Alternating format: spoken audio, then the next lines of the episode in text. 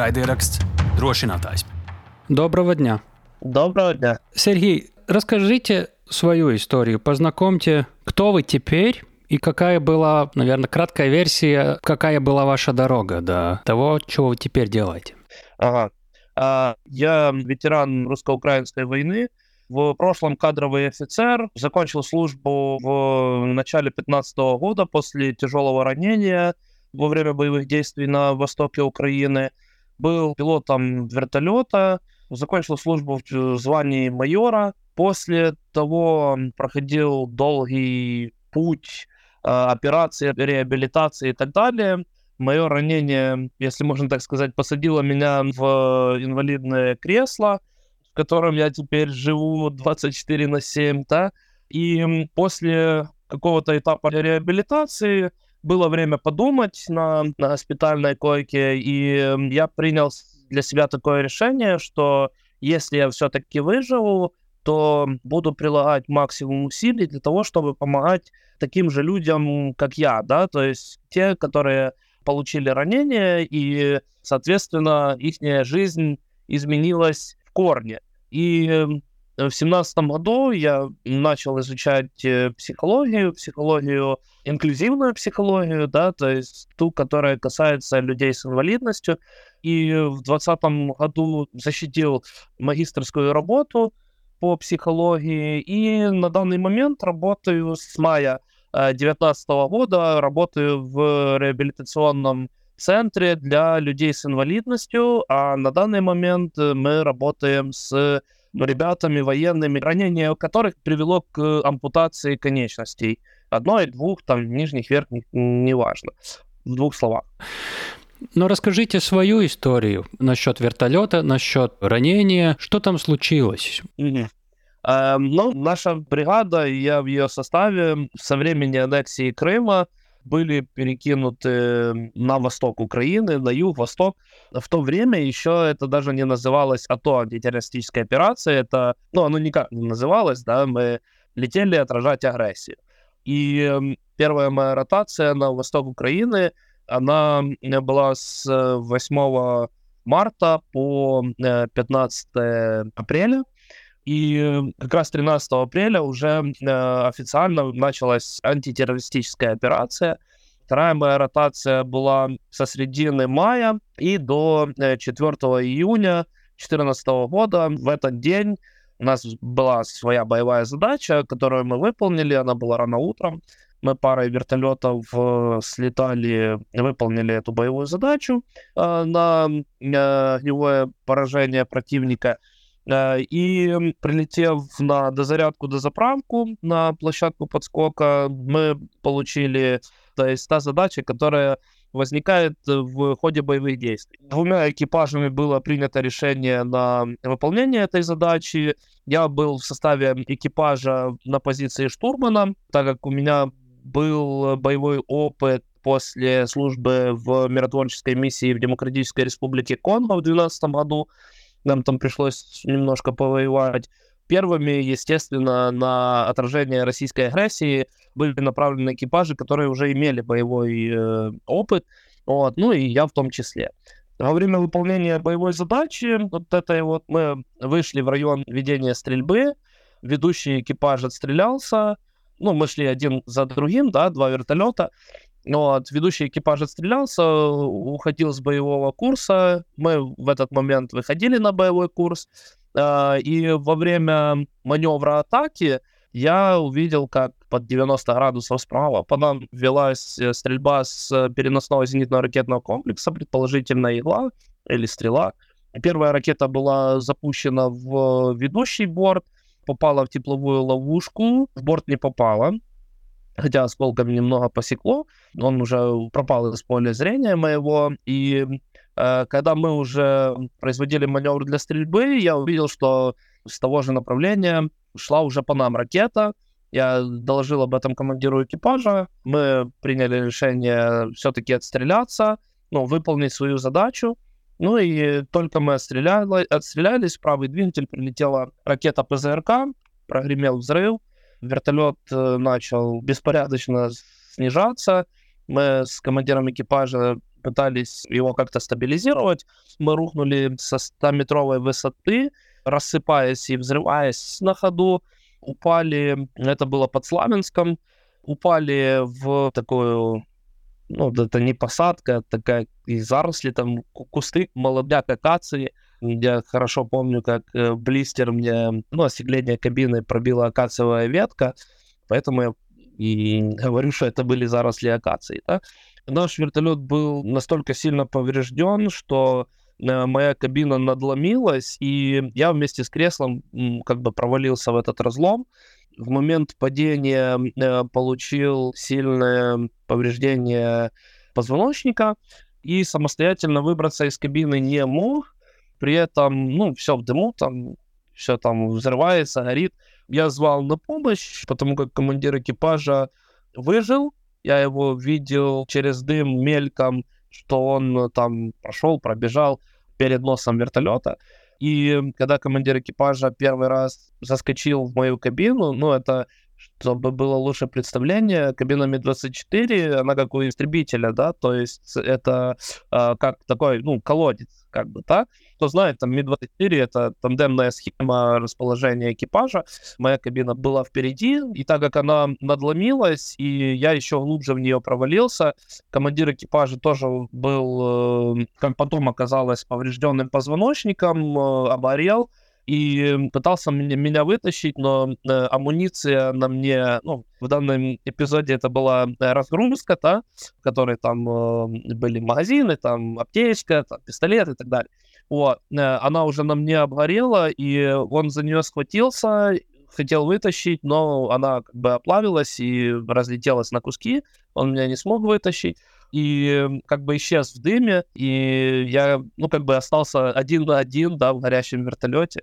И помнится такой, ну, как бы эпизод, что его кабина уже горела, да, то есть э, сзади у меня за спиной, и я уже чувствовал, как огонь подбирается все ближе, и э, с шлема летного, да, выходят сзади два провода на телефон и ларингофоны. И вот я уже чувствовал, как они начали плавиться, да, и вот эта вот оплетка начала течь вдоль позвоночника. Ну, это было больно и неприятно. В одном из э, нагрудных карманов разгрузки был пистолет как табельное оружие.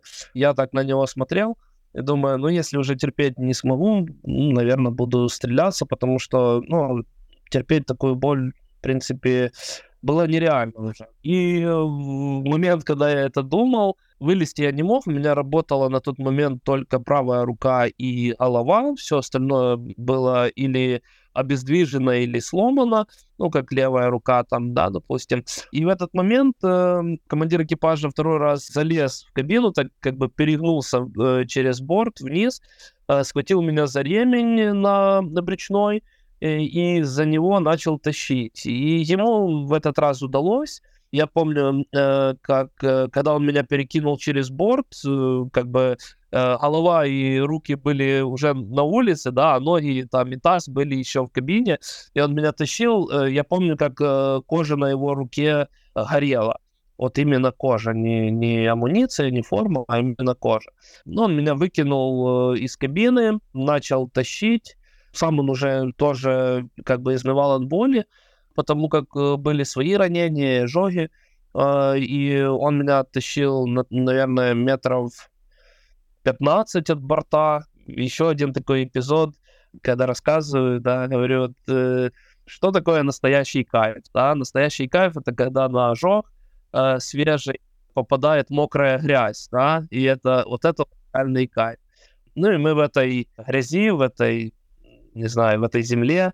Вот, он меня тащил метров 15, шлем у меня раскололся во время попадания, одна часть шлема закрыла мне э, лицо, и я как бы смотрел на мир только одним глазом, вот. Оттащив 15 метров, он сказал, что я больше не могу там тащить, потому что там больно и так дальше. И вот мы лежали как бы в кустах, упали между врагом и нашими войсками.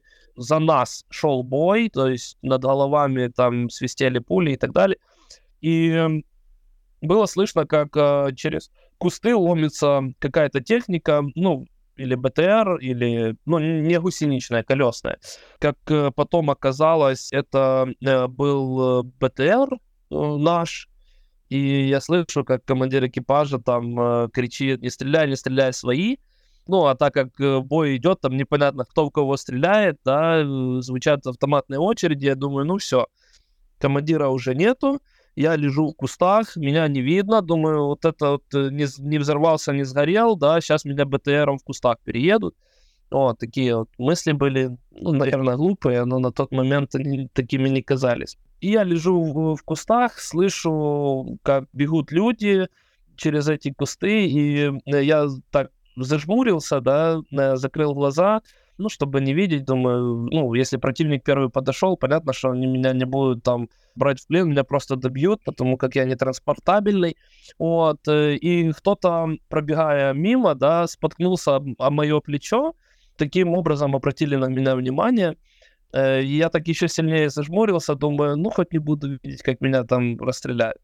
В этот момент кто-то наклонился надо мной такой, э, браток, что там, где там, где ранение, где кровь? Я открываю глаза, ну, один глаз, да, потому что второй был за шлемом, и вижу желтый скотч, а, точно помню погоны сержанта и шеврон красный крестик.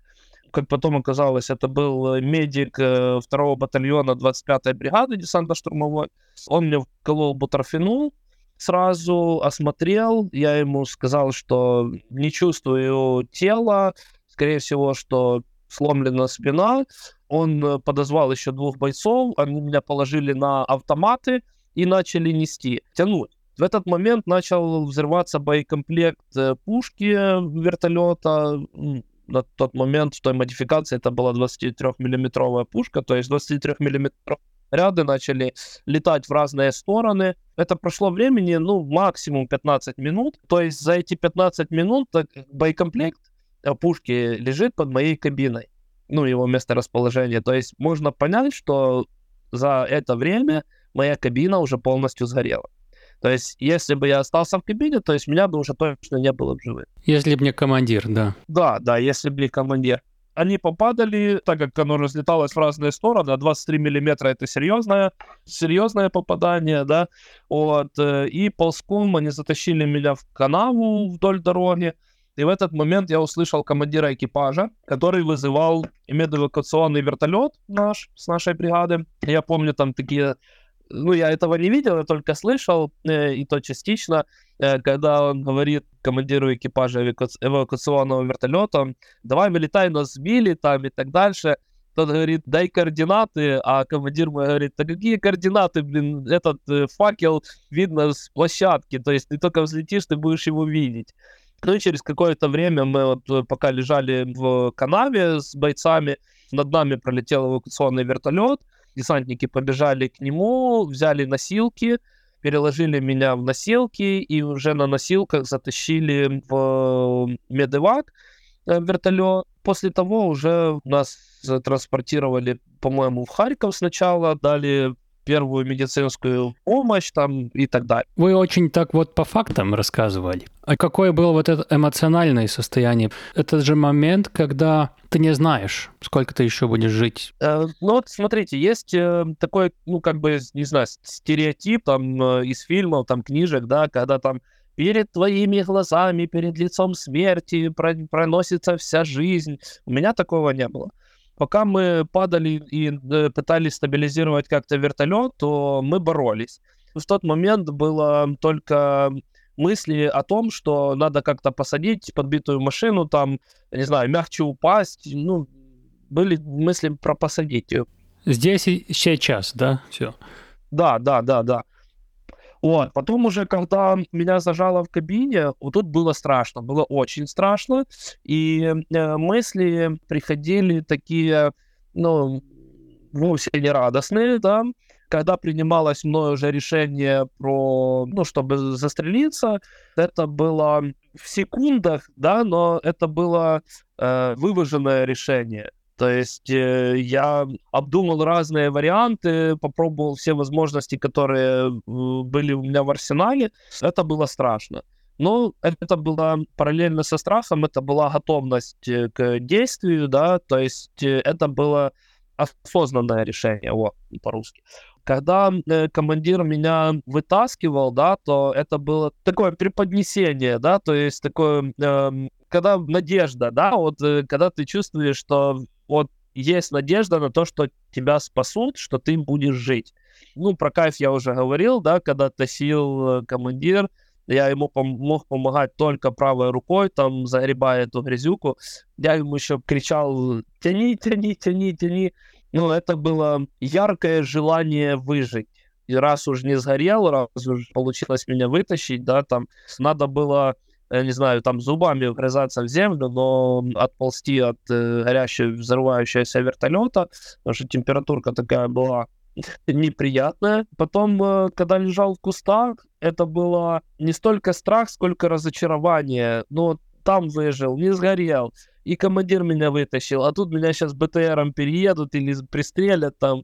И такое, ну, как бы, предыдущие действия не имели смысла. Такое разочарование было, ну, прям вот обидно-обидно, как, как бы сказать, да. Ну, а потом уже, когда подбежали наши десантники, я уже, ну, вот как-то был спокоен. Я уже понимал, что я выжил, уже мне предоставляют первую помощь, да, там меня э, тащат. Когда положили в вертолет, я уже был, ну, в принципе, абсолютно спокоен.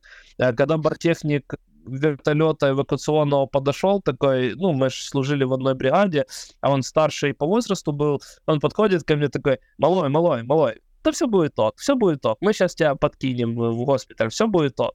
И такое спокойствие уже было, ну, как бы, я уже не тревожился ни о чем. Ну, это правильные слова, даже если они неправда иногда, но так надо говорить, наверное. Да, да, да.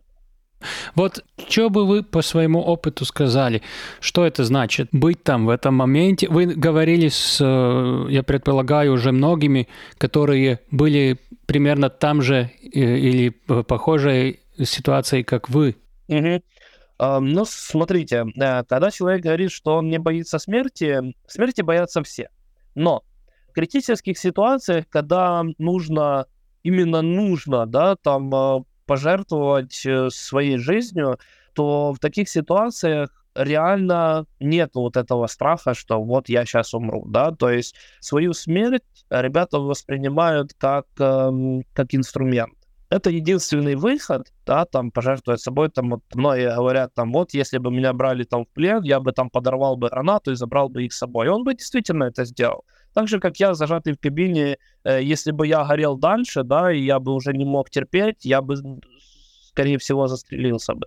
Но это то ощущение или решение, которое не возникает само по себе, да, это в большинстве случаев это от безысходности. И это э, воспринимается нашей психикой как инструмент, потому что осознанно, да, прийти к этому, ну, это будет, как это, самоубийство, да, наша психика под это не заточена.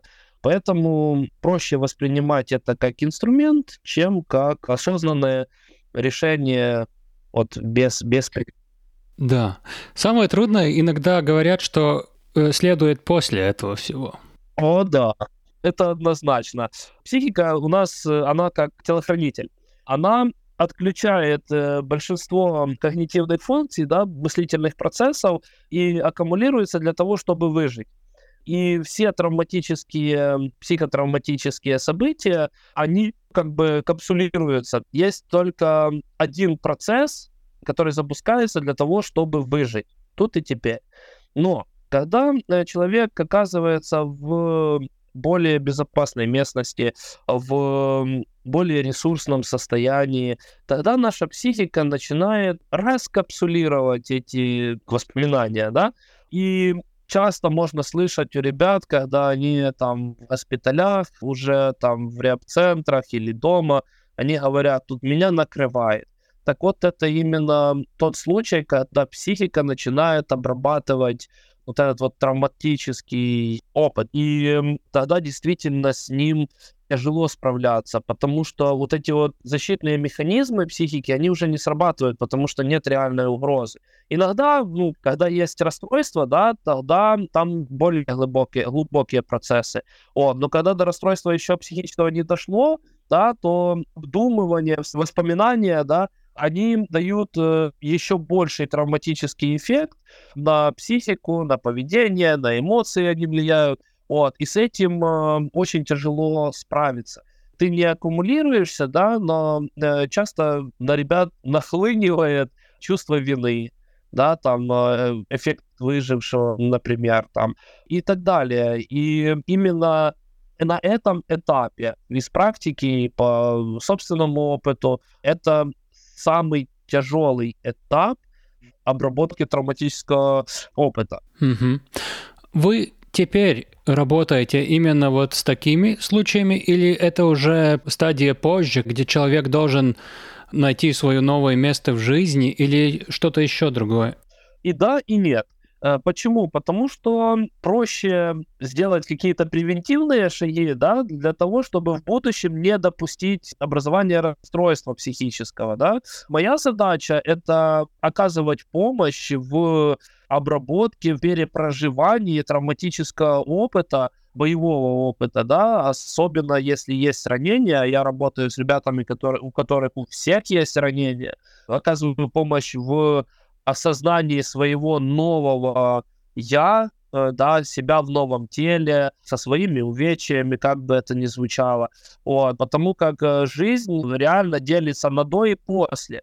То есть, ну, вот, как я про себя иногда там в шутку или не, не, особо в шутку говорю, что я был там высокий голубоглазый блондин, да, теперь я что-то на коляске. Вот осознание этого, обработка этой мысли, она занимает очень-очень долгий период и очень э, энергозатратный, да, ресурсно-затратный процесс. Вот. И именно с этим я и работаю. Но, к сожалению, к сожалению, в нашем обществе нет еще культуры, ну, если можно это назвать культурой, да, культуры работы с э, специалистами с психического здоровья и многие не понимают, что лучше раньше начать работу над этим, да, э, над своим психологическим, психическим состоянием, чем потом оно вылезет э, там в десятикратном размере и так далее.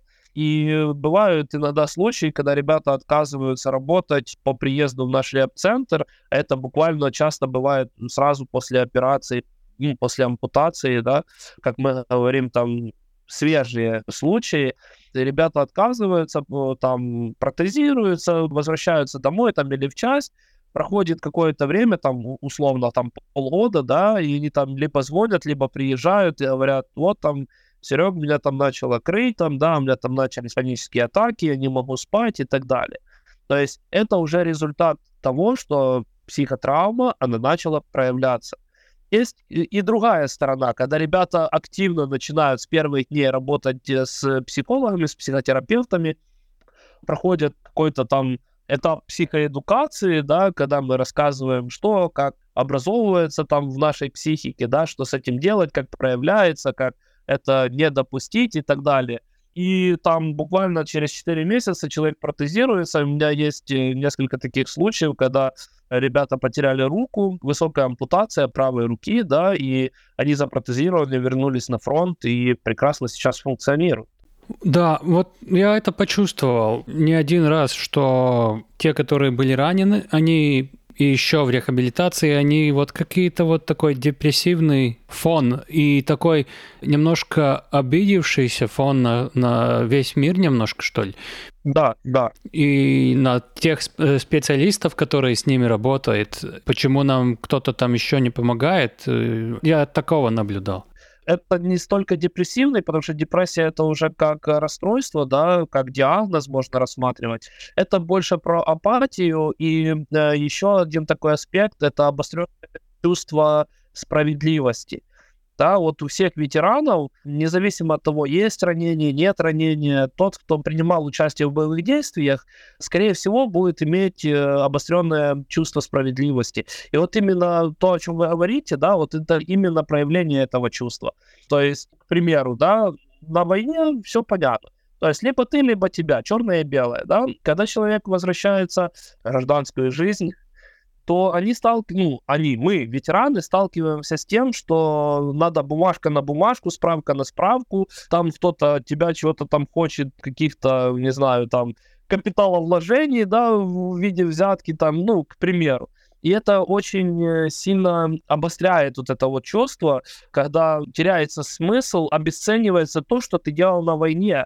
И многие ребята говорят там, ну, блин, я воевал за вас, пока вы тут э, сидели там, и сейчас вы мне там рассказываете, что я там чего-то не сделал или чего-то там не принес. Ну, это реально чувство обесценивания. Я сам в конце 16 года проходил этот этап оформления документов, инвалидности и всего-всего прочего, и это, ну, 7 кругов ада. Сейчас ситуация становится с каждым днем лучше, но человеческий фактор все равно остается. Вот эти вот постсоветские понимания жизни, да, оно еще никуда не делось, и с этим сложно все. Можно ли сказать, что психологи с своей поддержкой, своей работой может влиять на того, что происходит во фронте, даже если это очень маленькая часть этого пазла всего? Я считаю, что однозначно может. Единственная как бы преграда к реализации этой помощи — это желание клиента, бойца в данном случае, да, получить эту помощь. Если этого желания нет, есть сопротивление, то каким бы крутым психолог не был там или психотерапевт, он, э, скорее всего, что не сможет э, адекватно предоставить свою помощь, банально потому, что его не будет никто воспринимать там всерьез, да.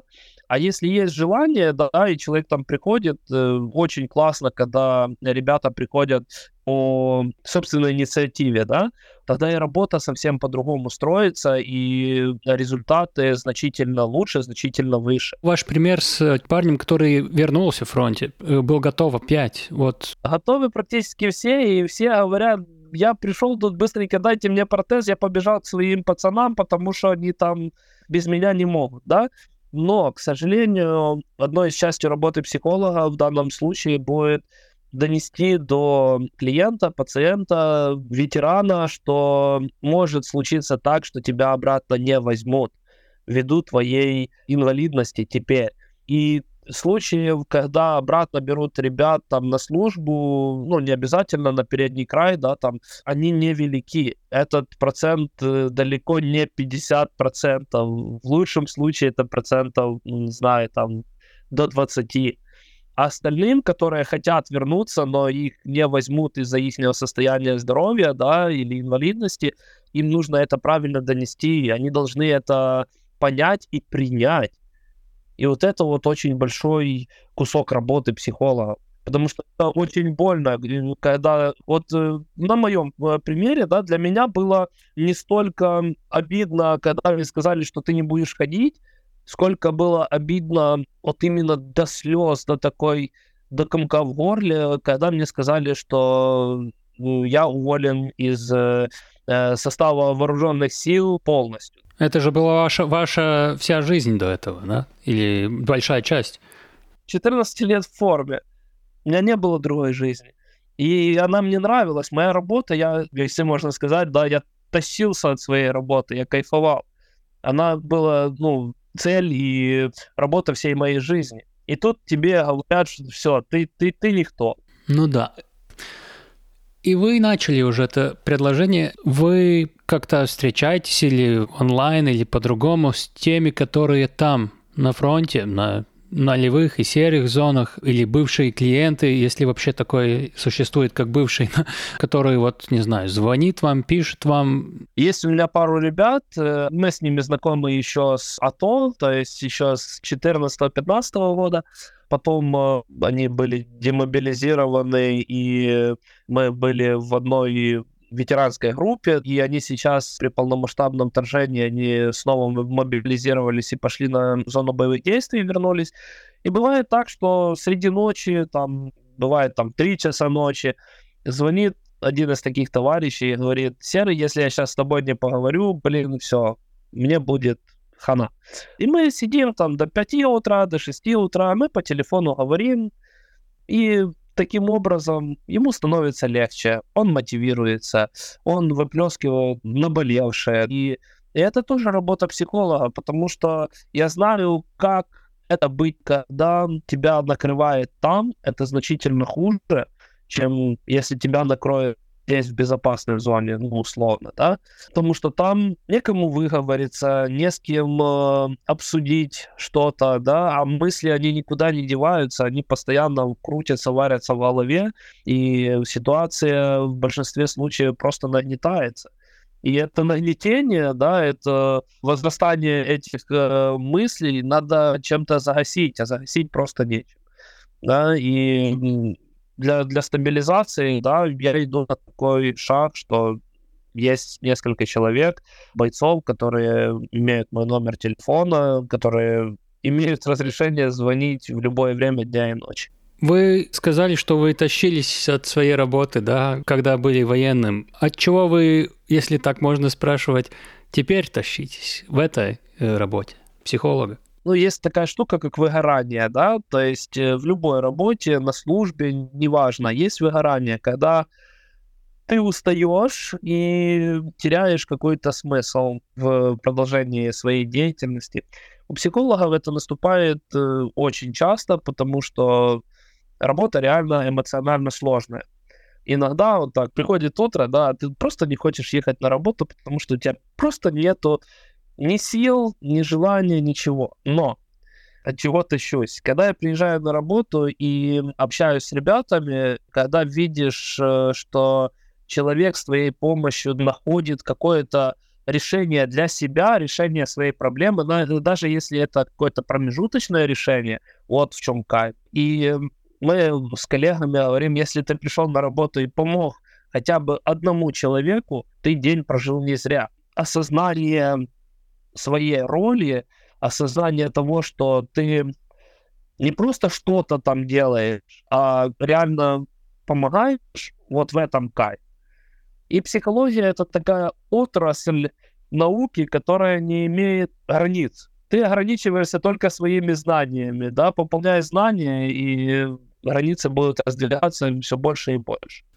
И это то, как вы видите вот эту свою миссию. Если так про миссию, могу добавить, что когда вот лежал на госпитальной койке, эти вот разговоры с Богом, с собой там и так далее, ну, потому что ну, я полгода лежал как огурец на кровати, да, там, на больничной.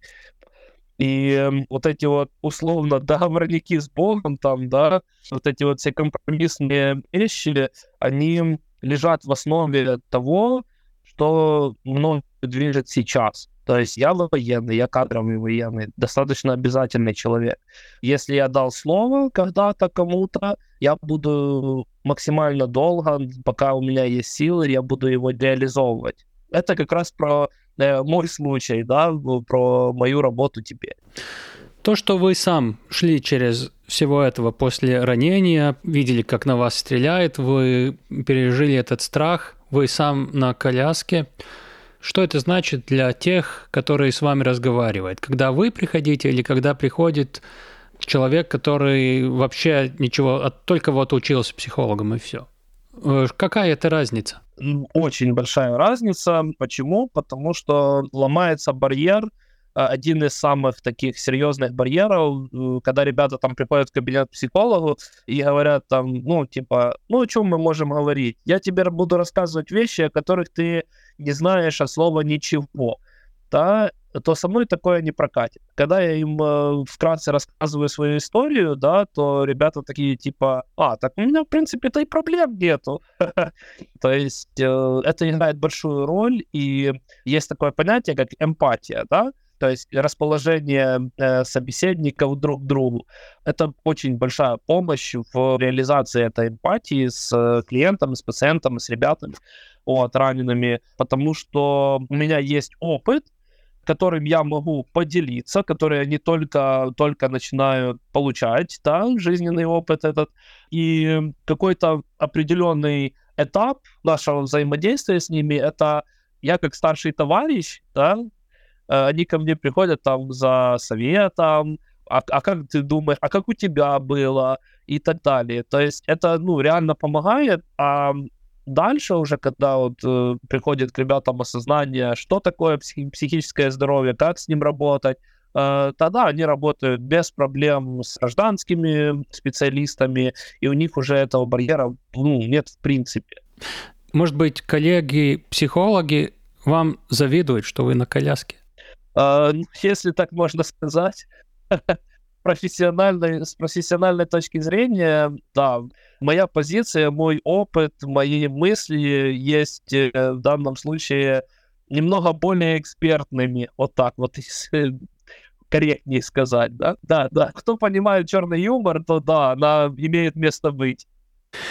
Мы видим, что страны, которые хотят помогать, делают э, все возможное, чтобы оказать вот и психологическую, и медицинскую помощь.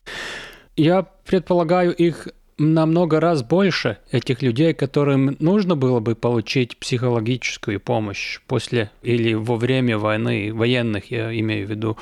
А вас, психологов, только вот столько, сколько у вас есть. Вот какая это ситуация, как бы вы характеризовали? Однозначно помощь стран-партнеров это колоссальная помощь, без всяких там заигрываний, да, самостоятельно справиться с э, такой мощной агрессией было бы в десятки раз сложнее.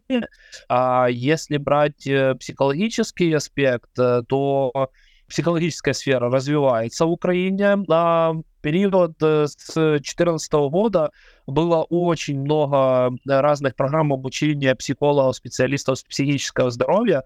Я сам проходил не один раз коллеги из Израиля, коллеги из Штатов, коллеги из Венгрии, кстати, из Прибалтики тоже обучали нас по разным методикам, разным процессуальным э, вещам предоставлении психологической помощи, да, и нас, психологов в Украине, становится все больше и больше, и мы набиваем свои шишки, если можно так сказать, да, в процессе работы, потому что, ну, все знать невозможно, к всему быть готовым тоже невозможно, но мы получаем в середине Украины, да, внутри Украины мы получаем тот э, опыт, э, которым уже и сами иногда делимся с э, своими иностранными коллегами. Проводится много конференций, саммитов с иностранными коллегами, и мы уже, это не столько, сколько там нас учат, да, как в школе, мы обговариваем, то есть у нас уже есть тот уровень опыта,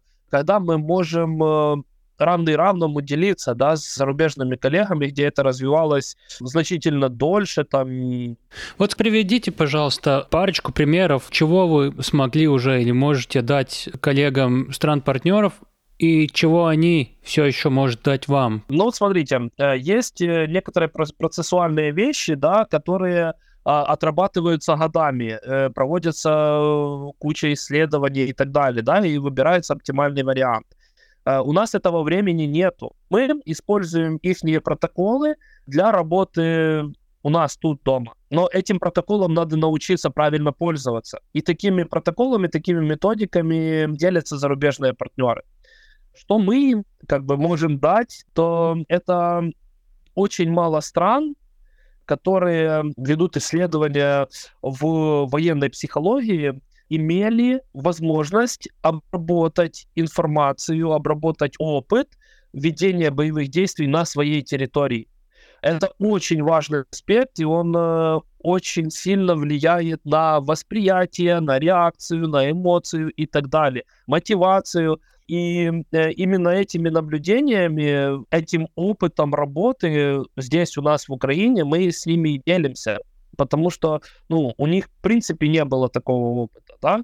У них были там военные, например, как э, американские военные в Ираке, например, да, но это совершенно другой подход, совершенно другая мотивация. Соответственно, в результате будет другая реакция и психики, и э, общества, и так далее, да, потому что мы же не рассматриваем условно бойца, который имеет психотравматический опыт, как какую-то единицу, оторванную от всего, да, ну, условно, как подопытного кролика. Мы же рассматриваем это в комплексе. А в комплексе это э, очень большую роль играет сообщество. И в комплексе мы имеем уникальный опыт, которого не имеют э, наши партнеры зарубежные.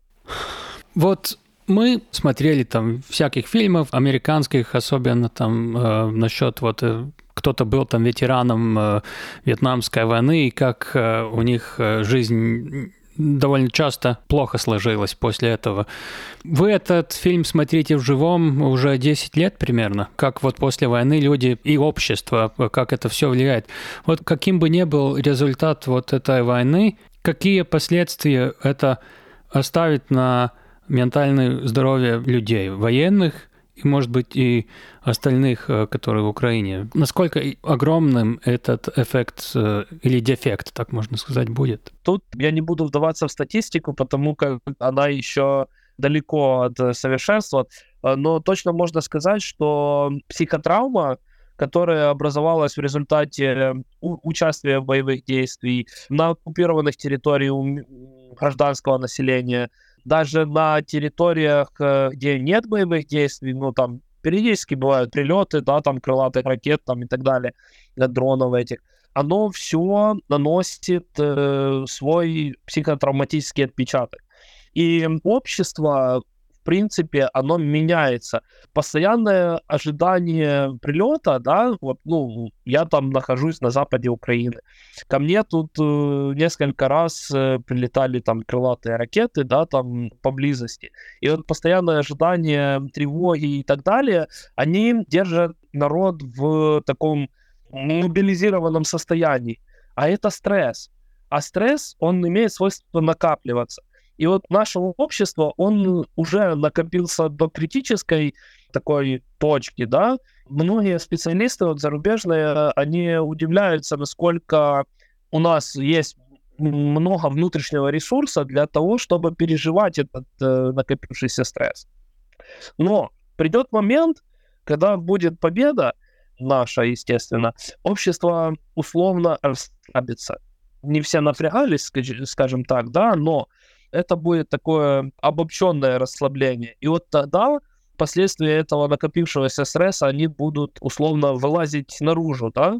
Если с клиентами э, в принципе, более-менее понятны эти процессы, да, то у гражданского населения вариативность проявления этих последствий, она будет настолько широкая, что, наверное, ну, у психологов будет очень много работы. Ее и так очень много да, включая гражданское население, а то будет, ну, в разы больше.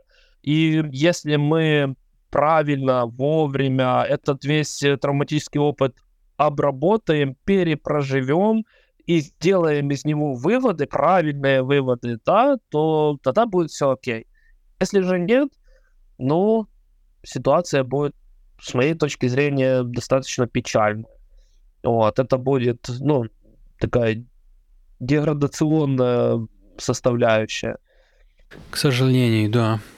Я бы хотел последний вопрос, который мы задаем большинству наш, наших собеседников, наших интервью. Чего бы вам, именно вам, вот лично пожелать?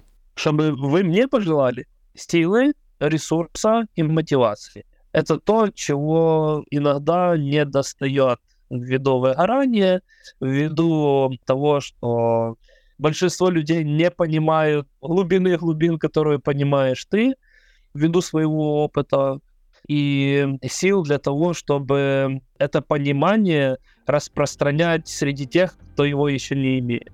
Потому что это архи важно. Вот так.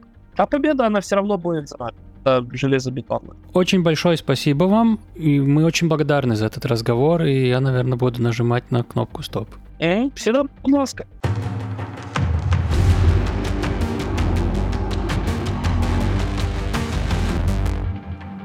Raidieraksts drošinātājs.